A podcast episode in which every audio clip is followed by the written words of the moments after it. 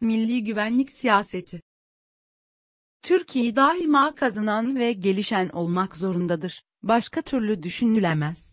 Milli Güvenlik Siyaset Belgesi, Kırmızı Kitap gibi dokümanların kendi gücü için geri planda çok çalışılmalı, fikri altyapısı ve anlayışı özgün ve tutarlı olmalıdır.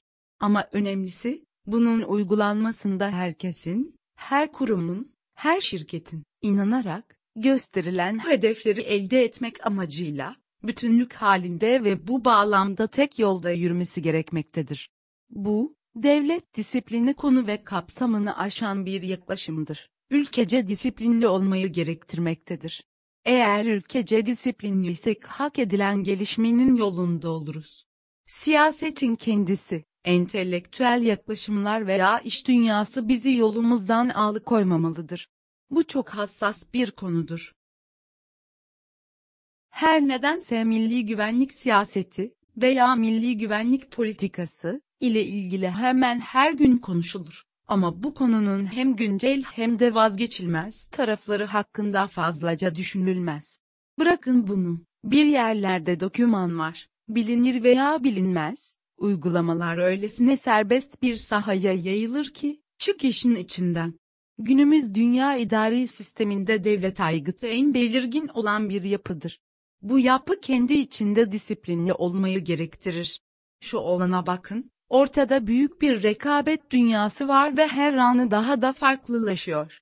O halde, bürokrasi, medya, akademiya, yargı alanındakiler, iş alemi, Adan Z'ye politika ile uğraşanlar, aklınıza kim geliyorsa, her birinin, milli güvenlik ve refah bağlamında tam disiplin içinde hareket etmesi ve ülkenin gelişmesine odaklanması nasıl sağlanacak?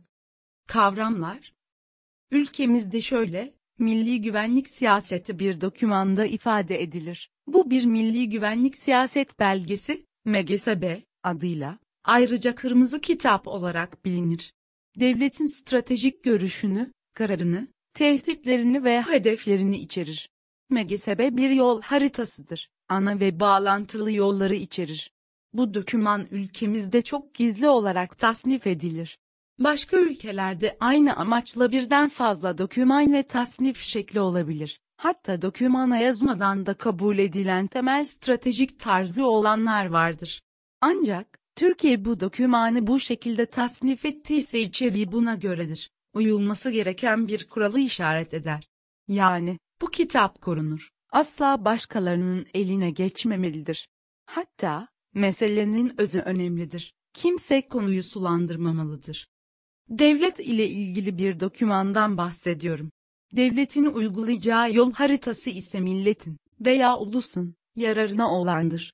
Demek ki devlet ve millet bileşimi olacak, strateji sürekli daha fazla gelişmeye odaklanacak ve neticede ülkenin veya vatanın gücünü artıracak. Bu dokümanın ruhunda, böylesine büyük amaçlar için temel kavramlar bir aradadır. Bazıları bunu anayasal dokümanı gibi görürler. Hayır, bu bir hukuk belgesi değildir. Ancak şöyle bir bantı var. Anayasanın değişmez ve değiştirilemez maddeleri vardır. Anayasanın da bir ruhu vardır, temel kavramları vardır. O halde anayasanın devlet, ülke, millet, değerler yönü ile tarif ettikleri ile MİPS'de geçen bütün kavram ve yapı, yazsa da yazmasa da örtüşüne şekilde olmalıdır. Tersi geçerli değildir. Gelişmeler, Zaman ilerlerken insanlık ve kültürü de gelişiyor. Anlayışlar ve önceliklerde. Elbette entelektüel olarak, devlet nedir tartışılır. Millet veya ulus kavramları üzerine fikirler söylenir. Hatta gelişmekten ne anlaşıldığı bile farklı biçimlerde açıklanır. Ancak halen, her coğrafya ve kültür kendi geçmişi, deneyimleri, ülküsü çerçevesinde çok temel bir anlayışla durumunu çerçevelemektedir. Örneğin Amerika Birleşik Devletleri, Birleşik Krallık, Rusya, Çin, Fransa, Almanya, Japonya gibi ülkeler, bunların kültürleri, geçmişleri, gelecek vizyonları vesaire nedir? Ayrı ayrı açıklarsınız. Tıpkı Türkiye'nin kendine özel değerleri, taşıdığı esaslar, medeniyet tarifi ve gelecek tasavvuru gibi. Ancak şurası önemlidir. hep ileri, hep güçlü, hep gelişmeden yana olmak şarttır, yani geriye dönüş veya başka yollara sapmak yoktur. Stratejinin tarifini anlamadan, herkesin kendi aklınca yarattığı bir hayale doğru yol zannetmesi gibi bakış açıları bu tür dokümanların konu ve kapsamında değildir. Bunlar olsa olsa parti veya ideoloji dokümanlarında yer alır. Başka tabirle, iktidarlar iş başına gelirler. Ama temel doku ve ruh üzerine oynama yapılamaz. Eğer böyle yapılıyorsa, o ülkenin tarifi ve felsefesi yeniden belirleniyor demektir. Bir de temel insani değerler, çevre veya dünya ile ilgili anlayışlar ve sorumluluklar vardır. Örneğin, 19. ve 20. asırda sanayileşme hızla artarken dünyada kimse küresel ısınma veya iklim değişikliğini bu denli ele almıyorken, bugün net biçimde gözlenen tablo ile bu yaşamsal bir konu başlığı olmuştur. Büyük İskender, kendi döneminde yapmak istediğini tarif etmek için belki bir sözcük bulamadı, örneğin küreselleşme diyemedi. Ama 21. asra gelindiğinde bunca küresel şirket, ürün, sosyoekonomik şart gelişince, bakış açıları da değişti. Uluslararası dediğimiz konu bile bir yere kadar kendi karşılığı olan açıklamalara muhtaçtı. Ama bugün küresel gereklilikler öylesine baskı yapar halde ki, devletlerin çalışma usullerini sorgulatır bir hal aldı. Bir diğer örnek, antik dönemden bu yana demokrasi bilinir. Ama kültürel değerlerle bunun seyri ve uygulaması başkadır. Bugüne gelindiğinde insanlık ile ilgili çok temel anlayışları, insanlık yararına, yine insanın gelişmiş değerleriyle birleştirerek okumak gerektiği ortaya çıkmaktadır. Demokrasi bir olgunluk ve gelişme biçimidir. İnsana özgüdür. Her ülke bu okumaları kendi özelliğinde yapmaktadır. Bu nedenle bir milli strateji dokümanı esasından hareketle, çok özgün ve güçlü bir durum tespiti yapmak gerekiyor. Yanı sıra, rasyonel olarak nasıl gelişme içinde kalınabileceği hususunun netleştirilmesi gerekiyor. Bu strateji, ülkenin refahı ve güvenliği için tarifler ve yol haritaları şeklinde vücut bulmaktadır. Strateji, rakip, düşman. Ben bu dokümanı çok önemseyenlerdenim. Devlet işlerinin küresel veya uluslararası rekabet ortamında, çeşitli vasıfta ve yönde hareket eden güçler bakımından, baskı altına alınıp alınmaması, sulandırılıp sulandırılmaması, altının oyulup oyulmaması, gibi sonuçlar olduğundan, MUPS'nin fazlasıyla dikkate alınması gerektiğini düşünmekteyim. Dünyada ilgilenilen meseleler, bunların özellikleri, nitelikleri ve etkileri her boyutuyla arttıkça, çok dinamik bir güç mücadelesi içinde kalınmaktadır. Güç mücadelesi herkesin düşman olması demek değildir. İnsanın doğallığında bir yarışta bir rakiptir. Rakiplerle nasıl baş edeceğiniz veya onları nasıl geride bırakacağınız, MGSB içinde şifreleri verilen biçimde yer alır. Ama uygulanacak yöntem için belki sert güç belki de yumuşak güç kullanılacaktır. Hatta günümüzde geçerli olan akıllı güç dediğimiz uygulamadır ki ben bunu stratejik boyutuyla defalarca açıkladım. Dolayısıyla istihbaratın değeri artmaktadır. Aşağıda buna dair az da olsa açıklamam olacak. Strateji ile uğraşmaktayım. Fikrimce şöyle, doküman çok büyük değişiklikler içermemeli, ancak güncellenerek, küresel dinamik güç mücadelesi yönüyle, ülkenin geleceğini, milletin refah ve güvenliğini temin ve tesis edecek ciddi kararları içermelidir. Bu bağlamda MGSB, küresel rekabete esas olacak biçimde ülke kaynakları, imkan ve kabiliyetler, ile mevcut ve muhtemel rakiplerin veya hasmın stratejik istihbarat analizleri karşılaştırmalı ve rasyonel yapılarak, tüm devlet organlarına ve yüksek karar mercilerine rehberlik etmelidir. Bu dokümandaki hedefler kısa vadeli değil, uzun vadeli ve bazı durumlarda orta vadeli olmak zorundadır. Bu dokümanda tehdit tanımı net olmalıdır. Örneğin tehdit olarak, terör örgütü ve siyasi uzantısı belli ve bunları destekleyenler de belli. MGSB geriye anayasal tüm devlet organları, yasama, yürütme ve yargı erkleri çerçevesinde teşkilatlanan organlar, burada belirtilen hedeflerin gereğini yapmalıdır. Öyle ki, buradaki hedefler eğilip bükülecek cinsten değildir. Mesela konu terör ise yasama veya yargı başka bir yol izleyemez. Başka bir duruma odaklanamaz. Yürütmenin zeminini zayıflatamaz. Tersi de geçerlidir. Yürütme kendi hedefleri gereği yasama veya yargı erklerinin kurumlarını yozlaştırmaz. Bunu hatırlıyoruz değil mi? FETÖ nasıl da devlet düzenini bozdu. Olmaz demeyin, oluyor. Zamanında MGSB içinde yazılı olanları eğip bükmekle varılan yer, sonuçta darbe girişimi ne kadar sürdü? Terörizm düşmanlık, terör örgütleri düşmandır. Bu başka gelişmiş ülkeler için de böyledir. Bu net bir tanımdır. Terör örgütleri bir ülke için rakip değildir. Asla müttefik değildir, düşmandır. Rakip ise şöyle, örneğin Türkiye için herhangi bir ülke, yakın veya uzak olur. Başlangıçta sadece rakiptir. Kavramları yanlış kullanmamak gerekir.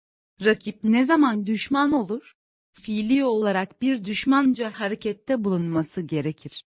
Burasını kısa yazıyorum zira stratejik bakış yönteminde ustalık veya sanat bu noktadadır. Günümüzde bu fiili durumlar ne şekilde oluyor veya oluşturuluyor? Çok ciddi çalışmalar gerektiren konular bunlar. İşte size strateji, akıllı güç ve istihbarat denklemi. Dokümanlar Başat güçlerin büyük stratejileri, Grand Strategy, vardır. Bunlar yazılı olsa da olmasa da hem mevcut büyüklüğün dünyada ne yapması gerektiğini hem de korunması gerektiğini ifade eder. Ülkelerin, ulusal güvenlik stratejisi vardır. Örneğin ABD bu dokümanı dünyaya açıklar. Bu kendisi için rehber niteliği, küresel özel şirketler dahil, taşıdığı gibi aynı zamanda bütün ülkelere bir yönlendirme olması açısından belirleyici doküman olarak açıklanır. Türkiye Milli Güvenlik Kurulu, MGK, ile cari durumu gözden geçirir. MGSB ise temel ve genel bir politik hedefler dokümanıdır. Elbette anayasal tarifi yapılı olan devletin politikası esastır. Tekraren ifade edeyim, bu sadece bir dönemlik hükümeti ve bürokrasiyi bağlamaz, hükümetlere ve tüm bürokratlara rehberlik eder. Dolayısıyla dokümanın kapsamı bunu derulte eder. İstihbarat, MGSB içinde istihbaratın katkısı fazladır.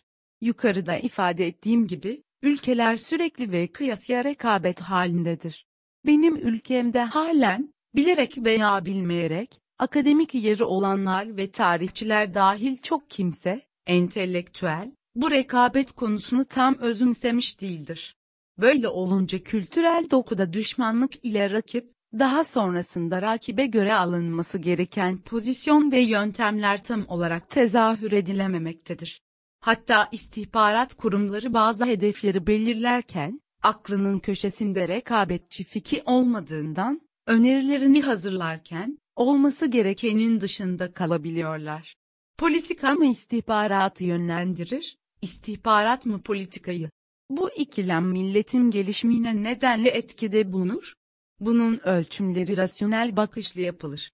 Sade vatandaşlar politikaların tezahürüne, liderlerin ifadelerine, diplomasinin yöntemlerine aldanmamalıdırlar. Basit açıklama şu, o büyük bir pastadan pay kapma savaşı dün de vardı, bugün de. Pasta bellidir ve pay kimseye buyur edilmez. Güç mücadelesinin başarısı sonucunda mevcut pasta diliminin büyümesine gayret edilir.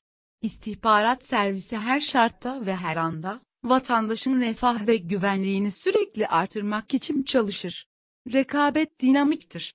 Daha güçlü olan, zayıfın, hangi kandırmacayla yemi yutacağını hesap eder, buna göre fark edilemeyecek türden tuzak ortamını hazırlar. Zaafların olup olmaması veya az slash çok zafiyet durumu, istihbarat servislerinin sınıflarını tayin eder. Birinci sınıf, iyi tuzak kuran, ikinci sınıf, yemi yutan, üçüncü sınıf, sürekli kullanılan. İstihbarat servisleri tehdidi ve yönünü, dostu, düşmanı ve rakibi tarif ederler. Hasım bir rakip ise durum ustalık ister. Birinci sınıf servis iki veya üçüncü sınıfta olanın ne düşünmesini istiyor ise onu sahaya yansıtır. Sahaya, tasarlanan ortama, Bakan ikinci veya üçüncü sınıf servis, dostu düşmanı bile karıştırır. Kirakibi işaret edemez, yöntemi gösteremez. Karar vericiler istihbaratın tehdit değerlendirmesine bakarlar. Yanlış özellik sahibi karar vericilerin ideolojik yönü sabittir ve bu onların zaafıdır. Bu, aynı zamanda istihbarat bürokrasisinin baskı altında çalışması demek olur ve genelde karar vericinin bakış açısını referans alırlar. Bu rasyonel yaklaşımdan uzaklaşmak demektir. Birinci sınıf servis, muhatabının, rakibin, düşmanın, ne düşünmesi gerektiğini çalışırken, eğer karşısında irrasyonel karar verici ve slash veya servis var ise işi kolaylaşır, tuzağını zorlanmadan tasarlar. Çünkü karşıdaki zaaf bellidir. Tarihte yemi yutan çok ülke ve şahsiyet vardır. Belirgin örnek olsun, Saddam'ın Irak'ı böyledir. Savaşlar bile bununla irtibatlı olabilir. Yaşadığımız zamana bakın, gelecekte acaba kazanan ve kaybeden olarak ne yazacaklar? İstihbarat servisleri tarih önünde ciddi sorumluluk taşırlar. Pastadan alınan payın miktarı azalıyor ise servisin stratejik istihbarat ve gelecek istihbaratı fonksiyonları zayıftır. Sonuç Bir geçiş dönemindeyiz. Her yönden. Kritik kararlar veriliyor veya verilecek. Tek kutupluluk mu, çok kutupluluk mu? Uluslararası mı, küresel mi? Batı mı, doğu mu? İklimde iyileşme mi, kötüleşme mi? Tam yapay zekalı bir dünya mı, yarı yapay zekalı mı? Siber savaş mı, nükleer savaş mı? Demokrasi mi, otokrasi mi? Gelişmiş kültür mü, gerici bir toplum mu? Terörle yatıp kalmak mı, terörden kurtulmak mı? Rakiplerden çok fazla yararlanmak mı, rekabeti her defasında düşmanlık olarak görmek mi? Direnişçi olmak mı, baş ataktör olmak mı? Zoru kazanmak mı, kolaycı olmak mı? Stratejik kazanım mı, taktiksel kazanımları önemsemek mi? Çağımızda bu sorular, bazıları birbirinin tam karşılığı olmamasına rağmen kolay olsun diye böyle yazıldı, çoğaltılabilir. Türkiye daima kazanan ve gelişen olmak zorundadır. Başka türlü düşünülemez. Milli Güvenlik Siyaset Belgesi, Kırmızı Kitap gibi dokümanların kendi gücü için geri planda çok çalışılmalı, fikri altyapısı ve anlayışı özgün ve tutarlı olmalıdır. Ama önemlisi, bunun uygulanmasında herkesin, her kurumun, her şirketin, inanarak, gösterilen hedefleri elde etmek amacıyla, bütünlük halinde ve bu bağlamda tek yolda yürümesi gerekmektedir. Bu, devlet disiplini konu ve kapsamını aşan bir yaklaşımdır. Ülkece disiplinli olmayı gerektirmektedir. Eğer ülkece disiplinliysek hak edilen gelişmenin yolunda oluruz. Siyasetin kendisi, entelektüel yaklaşımlar veya iş dünyası bizi yolumuzdan alıkoymamalıdır. Bu çok hassas bir konudur.